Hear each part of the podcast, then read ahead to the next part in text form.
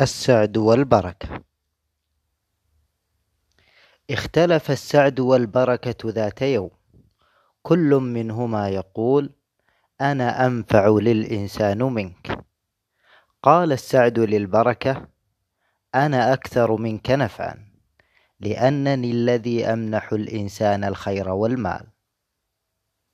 ردت عليه البركة قائلة بل أنا أنفع للناس منك. لأنه لن تكون لأفعالك قيمة إلا إذا حلت فيها البركة. فيظل يستفيد بها الإنسان أطول فترة ممكنة.